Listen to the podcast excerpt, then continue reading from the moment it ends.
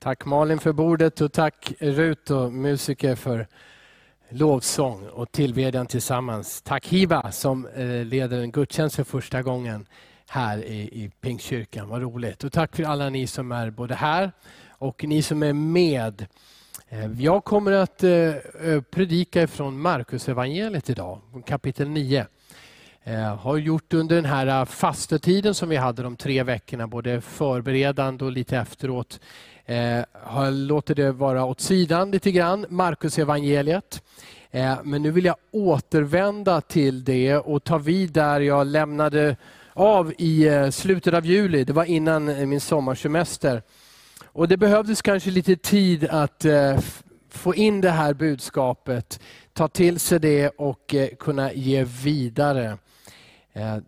Temat, eller min rubrik på det, som Jesus säger i Markus 9 är att ta grundligt i tu med synden. Ta grundligt i tu med synden ska inte läsa Markus ännu, utan ska börja mycket tidigare i Bibeln, i första Mosebokens fjärde kapitel. För kampen mot synden, det har alltid varit mänsklighetens stora kamp och utmaning. Det står så här om Adam och Eva, att Adam låg med sin hustru Eva och hon blev havande och födde Kain. Då sa hon, jag har fått en man från Herren. Hon födde en son till, Abel. Kains bror. Abel blev en herde och Kain blev en jordbrukare. Efter en tid hände det sig att Kain bar fram en offergåva åt Herren av markens gröda.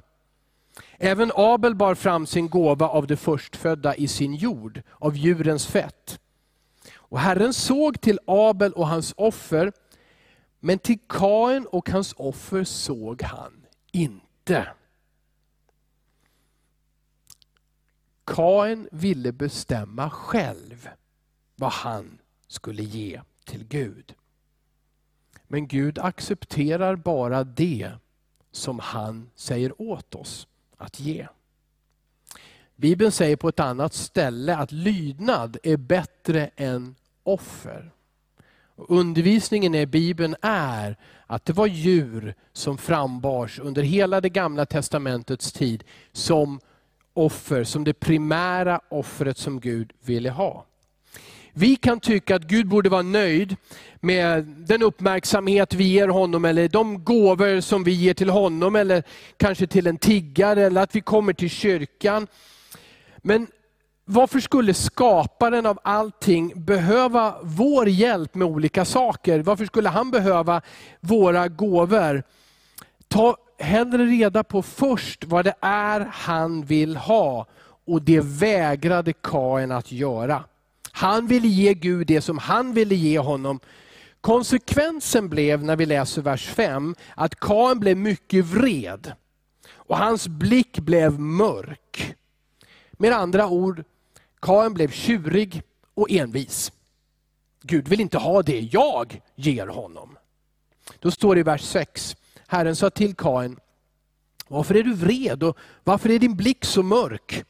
Är det inte så att om du gör det som är gott ser du frimodigt upp.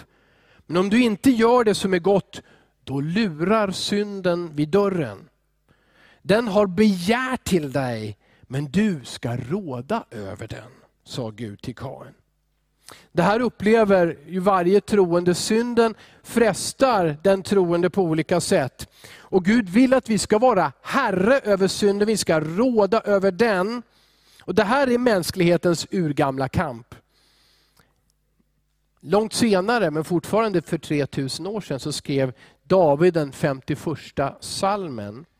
Och då hade profeten Natan precis kommit till honom efter att han hade, David hade gått in till Batseba, står det. Eh, David hade inte bara legat med en annan mans hustru, utan han hade även gillrat en fälla för att få den mannen död. Så att ingen skulle upptäcka vad David hade gjort och ingen skulle ändra detta förhållande som han hade inlett. Då sände Gud Natan. Han var den enda som vågade konfrontera den mäktigaste mannen i landet, kung David. Först då kom David till verklig insikt, erkände och så bad han så här. Psalm 51, vers 3. Gud var mig nådig efter din godhet. Utplåna mina överträdelser efter din stora barmhärtighet. Tvätta mig ren från min skuld. Rena mig från min synd. För jag känner mina överträdelser och min synd är alltid inför mig. Mot dig, just mot dig har jag syndat och gjort det som är ont i dina ögon. Därför har du rätt när du talar, du är ren när du dömer. Ja, med skuld är jag född och med synd blev jag till i min moders liv. Du älskar sanning i hjärtat. Lär mig då vishet i mitt innersta. Rena mig med isop så att jag blir ren. Tvätta mig så att jag blir vitare än snö. Låt mig höra fröjd och glädje. Låt de ben du har krossat få jubla. Vänd bort ditt ansikte från mina synder och utplåna all min skuld. Vi ser skillnaden i Kains reaktion och Davids reaktion. Kain fortsatte att blicka ner mot marken. Han tillät sin, sitt hjärta att tjura och gnälla. Och Det ledde till att nästa steg, att han slog ihjäl sin egen bror. Kung David var en offentlig person. Nu blev det här uppdagat. Och det var pinsamt och det var fel. Men han erkände och han sökte Guds förlåtelse. Människans kamp och den troendes kamp har alltid varit en kamp emot synden. Paulus, mycket senare, men fortfarande för 2000 år sedan, skriver i ett brev till Kolosse, Kolosserbrevet 3, vers 5-10 så här. Döda därför era jordiska begär sexuell omoral, orenhet, lusta, ont begär och girigheten som är avgudadyrkan. Allt sådant gör att Guds vrede drabbar olydnadens barn. Bland dem vandrade också ni en gång när ni levde i dessa synder.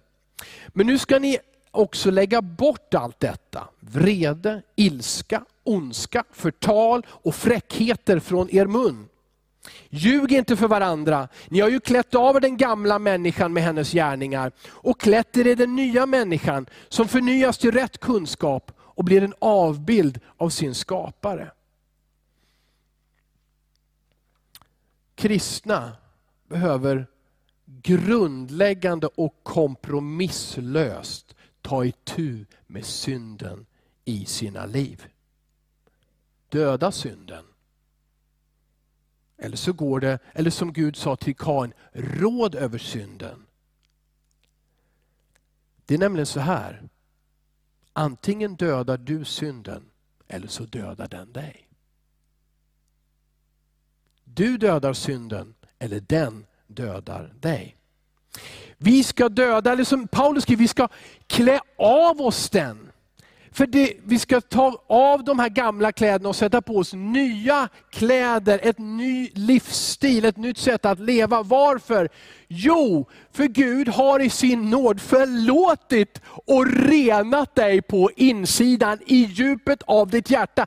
Tagit bort alla synder. Och då säger Paulus, då passar det dig inte att du klär dig med en livsstil på ditt gamla sätt.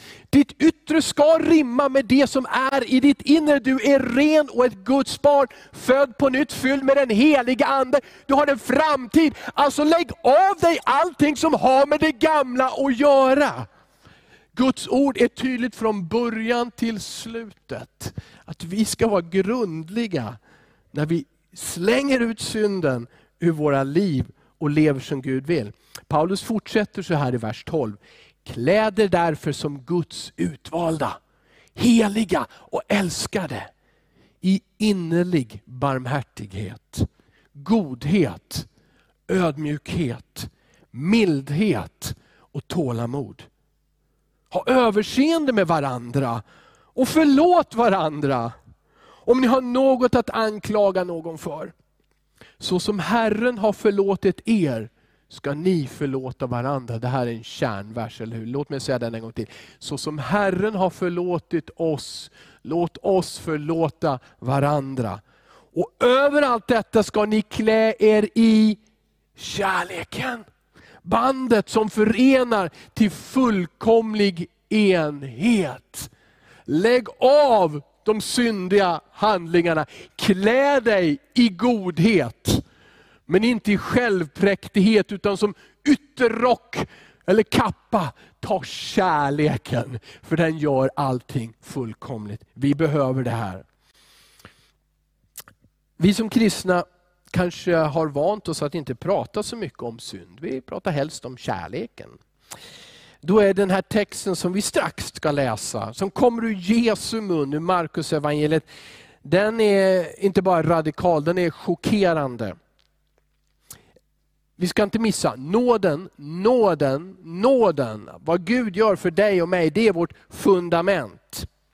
Men det tar inte bort nödvändigheten av att leva i helgelse. Vad är det? Att leva i helgelse är ett liv där du medvetet och uthålligt väljer att bli lik Jesus. Han har frälst dig. Lev som en frälst. Han är din mästare. Lev som hans lärjunge. Hans ljus lyser i dig. Låt det stråla ut ur ditt liv. Det här är helgelse. Du är frälst av nåd och Guds nåd vill också verka i dig så att du gör det goda som du inte tycker att du förmår. Den helige Ande, släpp fram honom att verka och leva igenom dig och mig. Nåden är fundamentet. Men du har en kallelse att ta itu grundligt med synden och leva i helgelse. Yrkesmässig framgång i all ära. Fitness, maratonlopp, gå ner i vikt. Ja, verkligen i all ära. Men din kallelse är att bli likare Jesus. Att bli lik Jesus. Den som verkligen har upplevt Guds nåd har en längtan att gå med Jesus och växa med honom. Nu läser vi Markus kapitel 9, vers 42 till 50. Håll i er, eller så kommer du ihåg och känner igen det här. För det här är chockerande språk, chockerande bilder och uttalanden. Den som förleder en av dessa små som tror på mig, för honom vore det bättre att få en kvarnsten hängd om halsen och bli kastad i havet. Om din hand förleder dig till synd så hugg av den. Det är bättre att du går in i livet stympad än att du har båda händerna kvar och hamnar i Gehenna, i elden som aldrig slocknar. Om din fot förleder dig till synd, så hugg av den. Det är bättre att du går in i livet halt, än att du har båda fötterna kvar och kastas i Gehenna. Och om ditt öga förleder dig till synd, så riv ut det.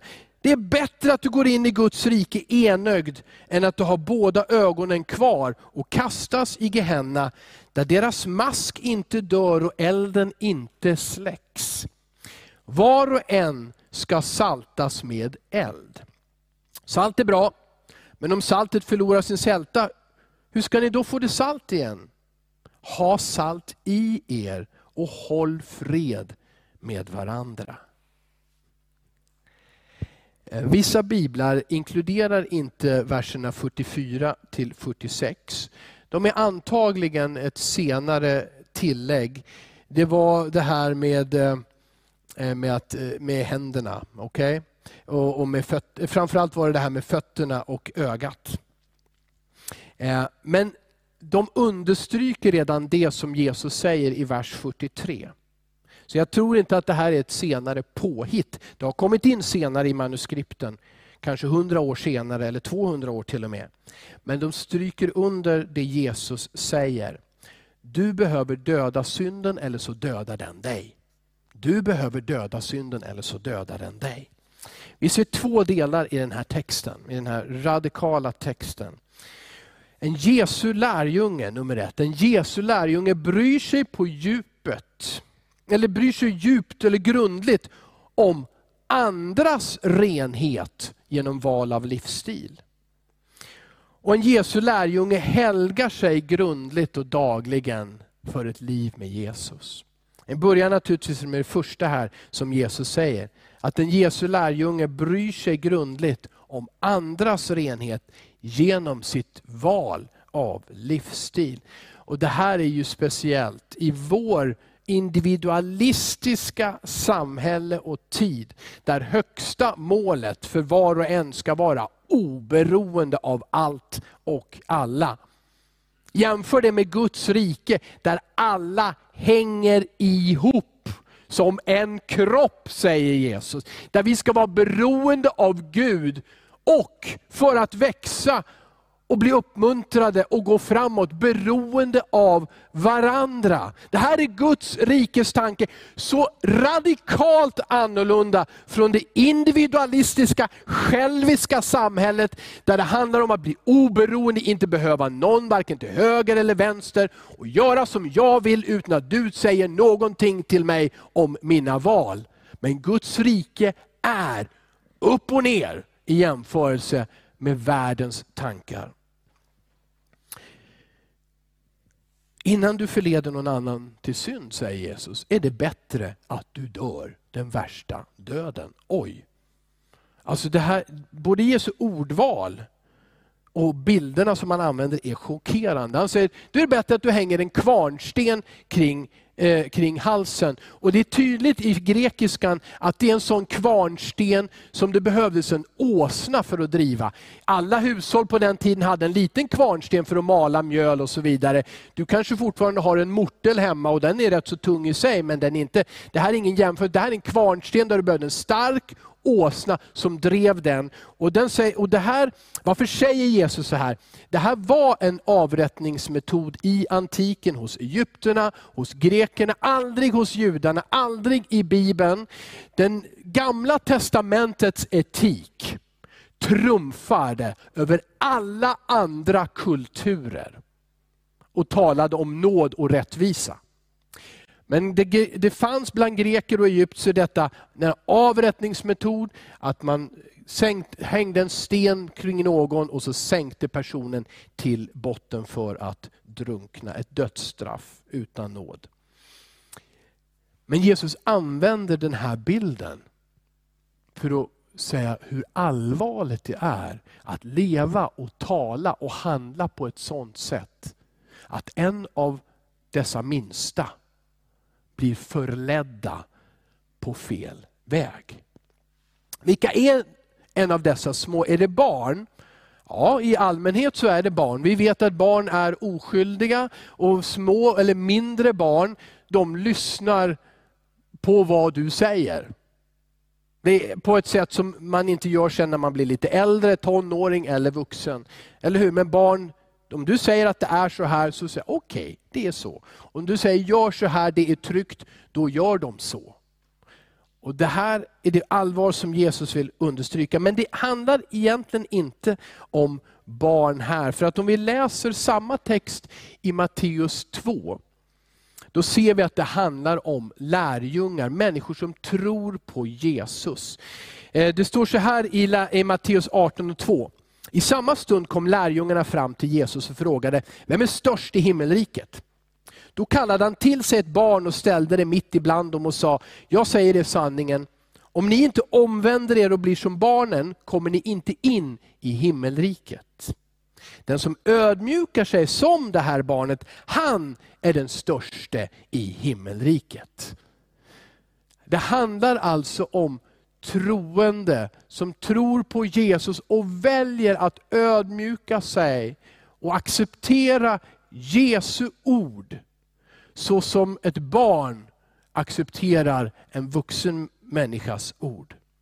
Lärjungarna hade precis bråkat med varandra. Det här är så typiskt för oss kristna, men det hade de gjort. Och vad hade varit eh, temat? Jo, de hade pratat om vem som var den största ibland oss. Vem är lite bättre än de andra lärjungarna? Och Jesus vill undervisa dem så här, titta på barnet. Den som är som ett barn är den störste. Den som är som ett barn kommer in i Guds rike, inte den som bröstar upp sig och tror någonting om sig själv. Det är därför som den här texten som vi läste avslutas på lite ovanligt sätt. Han har sagt allt det här skrämmande och så säger han, håll fred med varandra. Det går tillbaka till det som hade börjat tidigare i kapitlet om att när Jesus gick med dem och grabbarna gick en bit därifrån så började de bråka och säga jag är större, jag är bättre och det är faktiskt jag som har den bästa platsen och så vidare. Och så avslutar han hela sammanhanget med att säga håll fred med varandra. Visst är det ändå chockerande vad Jesus säger, att du och jag har ett sådant ansvar för andra människor. Det är, det är rent ut sagt jobbigt. Eh, men just därför så behöver du och jag vara bedjande människor som vet att vi är beroende av den helige Ande. Det kristna livet, lärjungaskapet, levs inte på ett enkelt sätt där jag säger, nu är jag frälst och gör vad jag vill. Jag är alltid glad och det här går bra. Det känns så roligt att vara kristen idag. Liksom. Så det kommer bara gå bra. Nej, det kristna livet levs i ett ödmjukt beroende av Jesus och den heliga Ande varje dag. Det är ingen saga vi säger när vi säger läs Bibeln för dig själv, studera Guds ord. Var med där du kan i en hemgrupp, i en smågrupp, i en gudstjänst. Men fyll ditt liv med Guds ord och lär av Jesus. Be till honom och lita på honom och följ honom dag för dag. Det är det det handlar om. Det är där kraften kommer, den helige Andes kraft. Att också känna någonstans Gud pekar på något i mitt liv som inte är okej. Okay. Och jag behöver släppa det, lämna det, istället för att ursäkta mig själv. Frestelserna finns överallt och vi har ett ansvar att ta. Närmare Gud, varandra och medmänniskor. Att själva säga, jag vill närmare Gud. Men också säga, jag vill leva ett sånt liv som gör det i alla fall lättare och attraktivare för andra att komma närmare Gud. Eller hur? Inte jag först och, ni får sköta er själva. Utan vi som Jesu kropp, som Guds församling, har ett ansvar om och för varandra. Att gå tillsammans närmare Gud, närmare varandra och närmare våra medmänniskor i vår stad, vårt land, vår värld. Det grekiska ordet är bara spännande att säga sådana saker, för det här känns ju så tydligt igen. Eh, även om det betyder lite annorlunda, det här att förleda eller förföra. Ordet är skandalizo. Att skandalisera en annan. Men i det här fallet så betyder det att lägga en fälla. Det här var, ordet här var den pinnen som man satte eh, kanske en köttbit på eller någonting annat som skulle locka djuret in i en fälla för att bli fångad. Vi ska inte lura och övertala och locka varandra in i det som för oss bort ifrån Gud. Då är det bättre. Då är det, och Det här är ju ofattbart, men det är Jesus. Då är det bättre att bli sänkt i havet med en kvarnsten runt halsen. Vad kan vi säga om att avsluta den här punkten praktiskt på något sätt? Övertala inte andra att synda mot deras samvete. Du kan tycka dig vara fri och veta lite mer och ha lite mer livserfarenhet än andra. Men förlöjliga inte den andres enkla tro. Övertala dem inte att, ja men var fri och spräng gränser. Låt Gud gå med dem, älska dem och led människor på ett visst sätt. Det finns en diskussion i Romarbrevet om det här. Att vi är verkligen fria. Om vårt samvete inte dömer oss och vi går med Gud, då är vi fria. Men Paulus skriver, men om din frihet blir andra människor till fall, ja men håll dig då tillbaka säger Paulus, så säger han, för judarna så var jag en jude och det betyder att han höll lagen. Och för grekerna som tänkte annorlunda var han en grek. Han var fri att vara den Gud hade kallat honom att vara, men av kärlek till andra så avstod han från saker, från gudagiven frihet, för att inte bli andra till fall. Det här samtalsämnet behöver vi ha inom oss, med andra, i hemgrupper och hitta vad det kan betyda. Vi ska inte förlora vår frihet, men vi ska inte missbruka den heller. Så truga inte. Vem har inte, vem har inte varit på fester där folk trugar att du ska dricka alkohol? Om du har bestämt dig för att inte dricka alkohol, då blir ju du måltavla för det mesta för väldigt många. Drick lite grann. Låt det aldrig vara den kristne som trugar och, och frestar en annan att göra någonting som för den personen inte är rätt. Förlöjliga inte andra. Jag skulle säga bete dig och klä dig på ett sätt som inte väcker sexuell lust i andra. Ja, nu gick han väldigt långt här. Jag tror att jag håller mig inom Bibelns gränser. Bete dig inte och klä dig inte på ett sätt som väcker sexuell lust i andra än den du är gift med.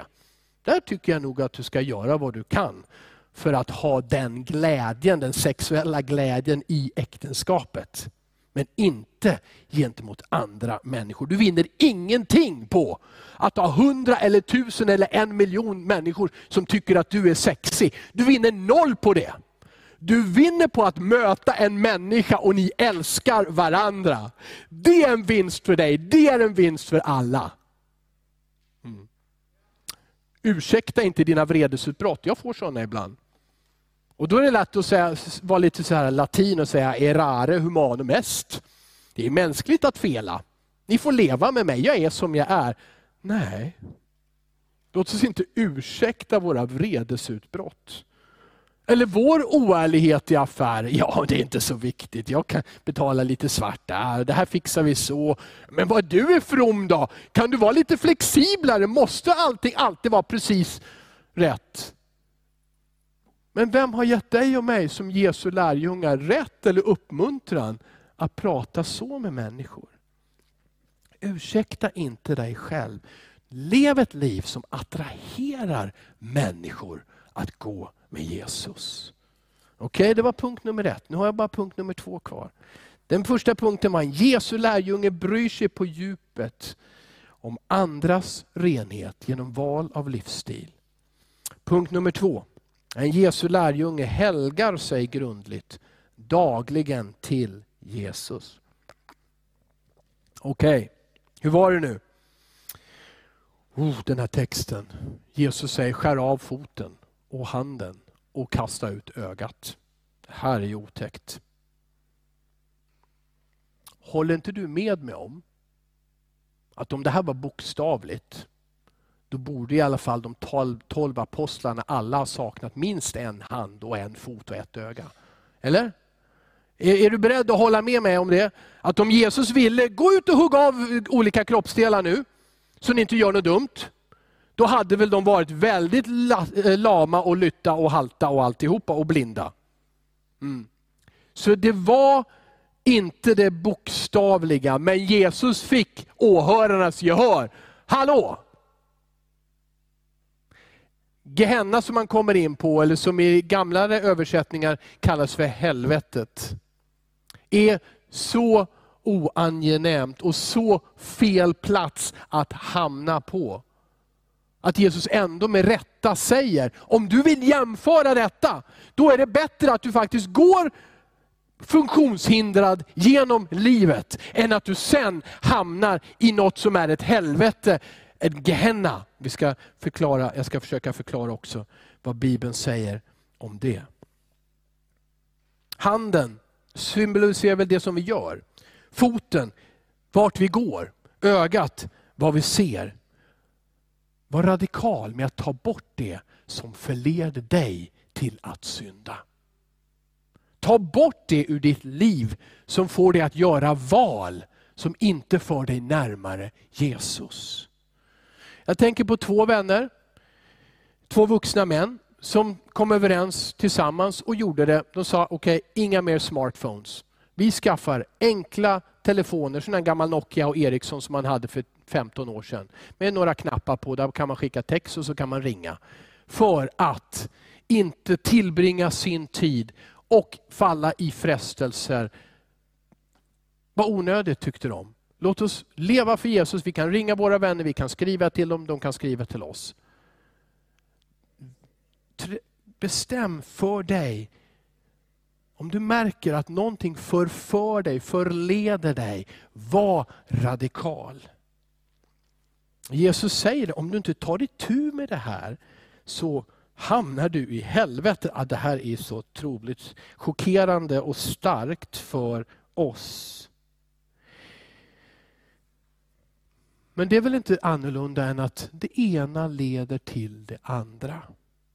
Att det val som du gör idag påverkar ditt sätt att välja imorgon. Eller hur? För vi säger ju, ja, det där skulle jag aldrig göra. Aldrig någonsin. Och jag kan inte tänka mig att samhället skulle utvecklas åt den riktningen. Det är omöjligt. Och förr i tiden så brukade det väl ta några hundra år innan den utvecklingen skedde. Och nu verkar det gå inom fem, sex år så har alla bytt åsikt och handlingssätt. Varför då? Jo, för det ena leder till det andra. Ditt val idag hjälper dig med ditt val imorgon. Det påverkar dig. Därför så är det idag som är början på resten av mitt liv. Därför är det idag som Jesus säger, följ mig, var radikal, oroa dig inte så mycket om morgondagen.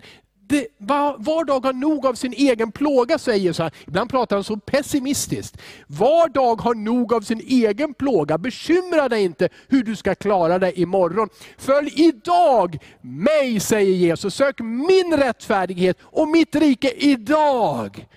Så ska ni få vad ni behöver. Och Jesus har tänkt igenom det här. Han är god mot oss.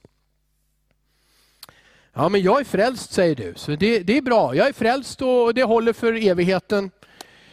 Eh, och Då säger jag så här, den som är frälst vill lära känna Gud. Den som är ett Guds barn längtar att få göra hans vilja.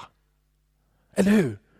Den som är frälst och så trygg i att jag tillhör Gud och jag går till himlen. Den tycker om att behaga honom som har visat oss den största godhet och nåd som någon, någon någonsin har gjort. Eller hur? Det finns en längtan att tjäna Gud. Har du inte en sån längtan, då behöver du pröva dig själv då kan du också ifrågasätta din frälsning. Ja. Om det inte finns någonting i det som vi läste ur Markus evangeliet som attraherar eller oroar dig. Då tror jag att du ska ifrågasätta din egen frälsning. Om det inte finns en längtan, en genuin längtan. Det finns utmaningar och svårigheter, men finns det inte en genuin längtan att komma närmare Gud, komma närmare varandra och den här världen. Då bör du nog ifrågasätta i samtal med Gud, och kanske också med en annan kristen medmänniska. Är jag verkligen frälst? För Jesus sa till exempel att trädet känner vi igen på frukten. Kommer det frukt, positiv, bra frukt ur en människas liv, så betyder det att ja, där inne bor Jesus. Kommer det lögn ur en människas mun? Kommer det orättvis behandling ur en människas sätt att vara? Dras man hela tiden enbart till platser där mörkret härskar? Vad har Jesus gjort i vårt inre om det är så vi lever våra liv? Visst är det utmanande och skrämmande. Men Bibeln talar om för oss, pröva och testa er själva. Ett kännetecken för den troende, det är faktiskt avsky för synden. Ett annat kännetecken för den kristna, det är en hälsosam fruktan, en hälsosam rädsla över vad synden kan ställa till med i mitt och ditt och andras liv. För synden förstör dig och den förleder andra. Då står det här som kallas för Gehenna. Det var en eh, sopstation söder om Jerusalem. Det Gehenna Gehinnom egentligen. Det hade tidigare hette, hetat Hinnoms dal. Och där hade kananéerna, innan judarna kom in, innan israelerna kom in i det landet, så hade kananéerna offrat människor, barn, till guden Molok. Senare också kallad Baal med eldoffer. Det här kan du läsa om i Kungaboken till exempel. Och Kung Josia, en av de judiska kungarna, en efterträdare till kung David, han jämnade de här offerhöjderna med marken. Du kan tänka lite grann som de här kullarna i Uppsala, de här vikingakullarna, gravar. Men det fanns höjder där man offrade till avgudar och även offrade barn. Och Det här jämnade han med marken och gjorde till eh, en sopstation för Jerusalem söder om stan. Och I Bibeln och ännu mer i den här äh, delen som kallas för apokryferna, så ser vi att det utvecklades till att bli en bild för helvetet. Det blev man, man, man talade om en plats där det alltid brann, för där brann det, för man brände soporna. Och Jesus talar om där deras mask inte dör och elden inte släcks. Jag tror att han använder en bild här för en total förstörelse. Vad gör masken? Den äter upp inifrån, förstör inifrån. Vad gör elden? Den bränner utifrån och förstör. Och han säger, Se till att du inte hamnar i Gehenna, i elden som inte kan släckas. Wow.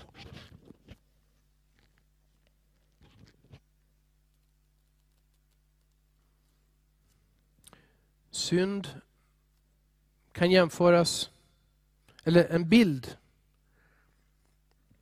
Synd är som cancer. Om du låter den vara så växer den. Tack gode Gud för en sjukvård som idag kan bota nästan all form av cancer. Framförallt när och hur? Jo, om den upptäcks på ett tidigt stadium. Så överlevnadschansen idag jämfört med för 20 år sedan helt otroligt stark. Tack gode Gud för det. Men vad var hemligheten? Den upptäcks tidigt och den behandlas. Det är samma sak med synden. Om din öga, din hand, din fot förleder dig. Upptäck det idag. Låt Jesus behandla det idag. Lämna det bakom dig. Och då behöver du inte vara orolig och otrygg för morgondagen. För han släpper dig inte. Hans kärlek lämnar dig inte. Hans nåd räcker för allting. Det finns ingenting som vi har gjort som Gud inte kan förlåta. Och förlåtelsen ligger inte i framtiden utan i det förgångna. Jesus dog på ett kors och när han dog, eftersom Gud är Gud, så hade han med sig dina synder från idag och eventuellt även från framtiden, hade han med sig på korset. Och när han dog, då utplånades de. Och så bröts dödens makt, syndens makt och fruktan över dig och mig som tror på Jesus, som följer honom. Det finns ingenting som Gud inte kan förlåta annat än om vi inte vill förlåta och gör som Kain och tjurar och anklagar och säger du är orättvis Gud, jag måste få göra som jag vill. Och Det räcker väl att jag ger till tiggare och ibland till kyrkan och jag läser en bibelvers någon gång då och då. Det räcker väl. Nej, Ge Gud det han vill att du ska ge honom. Och då handlar det om ett liv i helgelse dag för dag. Jag vill bli lik Jesus. Jag vill lära känna kraften från hans uppståndelse. Jag vill bli lik honom i en död som honom för att få uppleva en uppståndelse som hans. Jag vill följa dig Jesus. Använd dina känslor, använd ditt förstånd, använd din kropp och hela ditt liv för detta mål. Åh käre Jesus, vad han är god emot oss. Sen så måste jag av, ta en avslutning här den här texten, för det verkar som Jesus tar ett stickspår nu, så jag vet inte riktigt var det leder oss. Plötsligt säger han, var och en ska saltas med eld. Och då handlar det inte om Gehennas eld, absolut inte. Utan då handlar det om den eld som, som testar och prövar oss i livet, som är från Gud. Det är lite grann som att du lägger handen på plattan, eller vi säger ett finger, då, och så bränner du dig och drar tillbaka. Ja, men dra tillbaka handen från det som bränner. Vi behöver detta salt. Salt är bra, men om saltet förlorar sin sälta, hur ska ni då få det salt igen, säger Jesus. Ja, vad är det som händer här? Jesus eh, tar en bild härifrån gamla testamentet. För det var ändå så att man gav också skördeoffer. Gud ville också det. Och då skulle det ges med salt. Och salt har alltid en renande, bevarande funktion. Okay? Men vad, vad är det här offret då? Vi offrar ju varken djur eller, eller skördeprodukter eller någonting annat. Vad är det du och jag ska offra? Oss själva. Vi offrar oss själva till Gud. Det vill säga, vi går inte ut och dör sådär, eller, utan vi, vi, vi ger oss själva till honom. Det står så här i Romarbrevet 12 och 1. Därför uppmanar jag er bröder och systrar vid Guds barmhärtighet att frambära era kroppar som ett levande och heligt offer som behagar Gud. Det är er andliga gudstjänst. Nu skriver han verkligen era kroppar. Ja, men jag är härligt frälst här inne, det är väldigt bra. Ja, men Paulus skriver, ge din kropp till Gud. Låt dina händer vara någonting som Gud får använda. Släpp det oärliga och använd dem till ärlighet. Släpp det hatfulla och ge kärlek. Använd dina fötter på samma sätt. Inte jag sitter här, om någon kommer till mig och säger att jag är snäll, då ska jag kanske säga tillbaka, du är också snäll. Gå till människor. Gå, fysiskt gå. Hjälp. Se det som Se de som är utsatta, se de som är plågade, se de som bara behöver vägledning. Se de som behöver en, att du ber för dem, att de vet vad de ska välja i skolan nästa år eller bli friska från sin sjukdom. Gå till människor, se människor, hjälp människor. Använd din kropp. Det är er andliga gudstjänst. Så tyvärr, din andliga gudstjänst är inte att du har satt dig på en kyrkbänk eller framför en tv-apparat idag. Din andliga gudstjänst är 24-7, 24 timmar om dygnet, sju dagar i veckan. Låt dig ledas av honom som sa, jag är med er intill tidens ände. Amen. Okej, okay. så bara för, ja, jag måste ju säga det.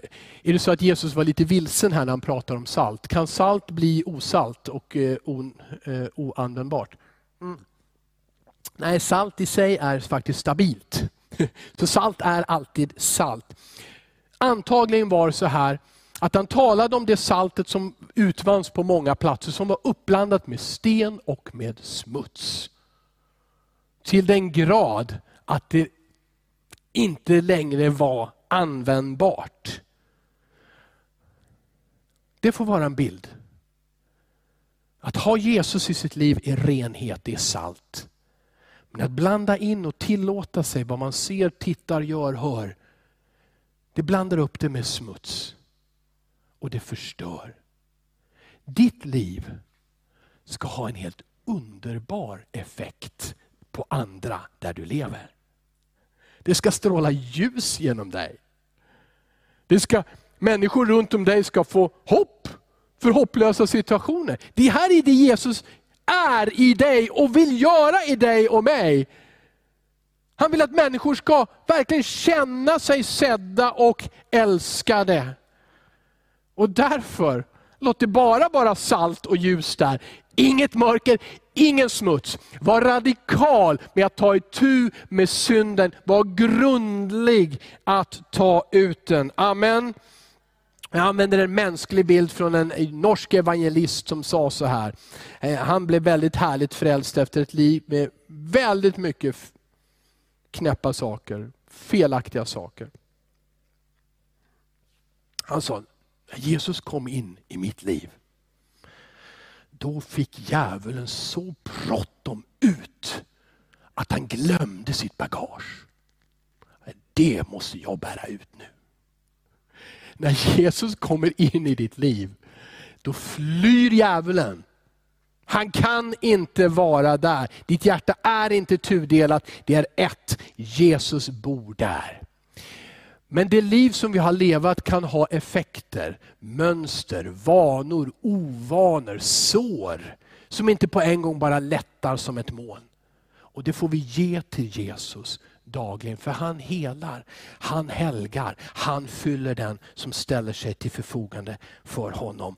Och han vill att du ska vara ett ljus och ett salt. Amen, säger jag. Men jag avslutar med den här fantastiska bibelversen. Så alla som tröttnade, tappade bort tråden, lyssna på vad Johannes skriver i första Johannesbrevets första kapitel, femte vers och några verser framåt. Det här är min avslutning. Detta är det budskap som vi har hört från Jesus och förkunnar för er. Att Gud är ljus och inget mörker finns i honom. Om vi säger att vi har gemenskap med honom och vandrar i mörkret, ljuger vi och handlar inte efter sanningen.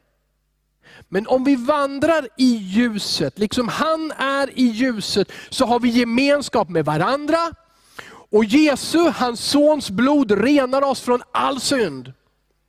Om vi säger att vi inte har synd, bedrar vi oss själva och sanningen finns inte i oss. Om vi bekänner våra synder, är han trofast och rättfärdig så att han förlåter oss våra synder och renar oss från all orättfärdighet. Om vi säger att vi inte har syndat gör vi honom till en lögnare och hans ord finns inte i oss. Inte bara Jesus var allvarlig, ärlig och uppriktig. Apostlarna predikade samma budskap. Genom att bekänna så ska vi vara fria. Genom att vara ärliga mot oss själva och mot andra så får vi frihet. Sanningen ska göra er fria, sa Jesus. Och nåden är hela tiden där för den som vänder sig till Jesus. Jakob säger, Jakob säger bekänn era synder för varandra och be för varandra. Ja, om det är svårt att komma till detta, är jag förlåten? Har jag gjort ett radikalt steg på rätt väg? Prata med en medmänniska som du har förtroende för. Hitta en hemgrupp och var med och skapa en öppenhet och en ärlighet där vi inte är fem präktiga kristna, utan hellre fem stycken svaga kristna som litar helt på Jesus och den heliga Ande. Där vi också kan bekänna och betjäna varandra.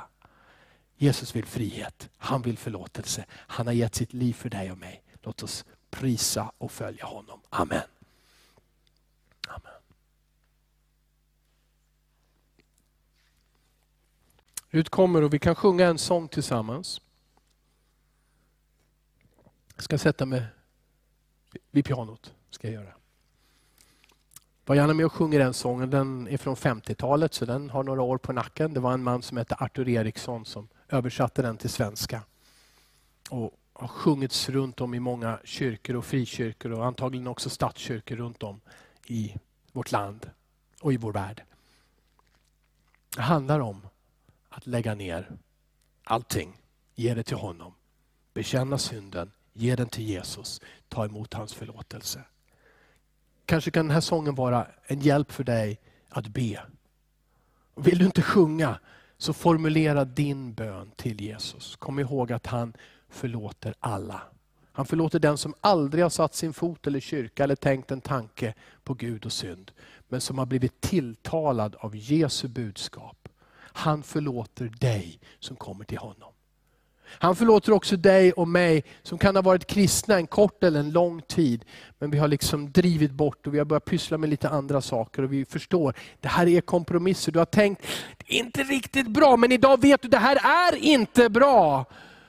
Men du erkänner, bekänner och ger det till Jesus och du får ta emot en rening och en förlåtelse. Han förskjuter dig inte, han lämnar dig inte, han sviker dig inte. Aldrig någonsin.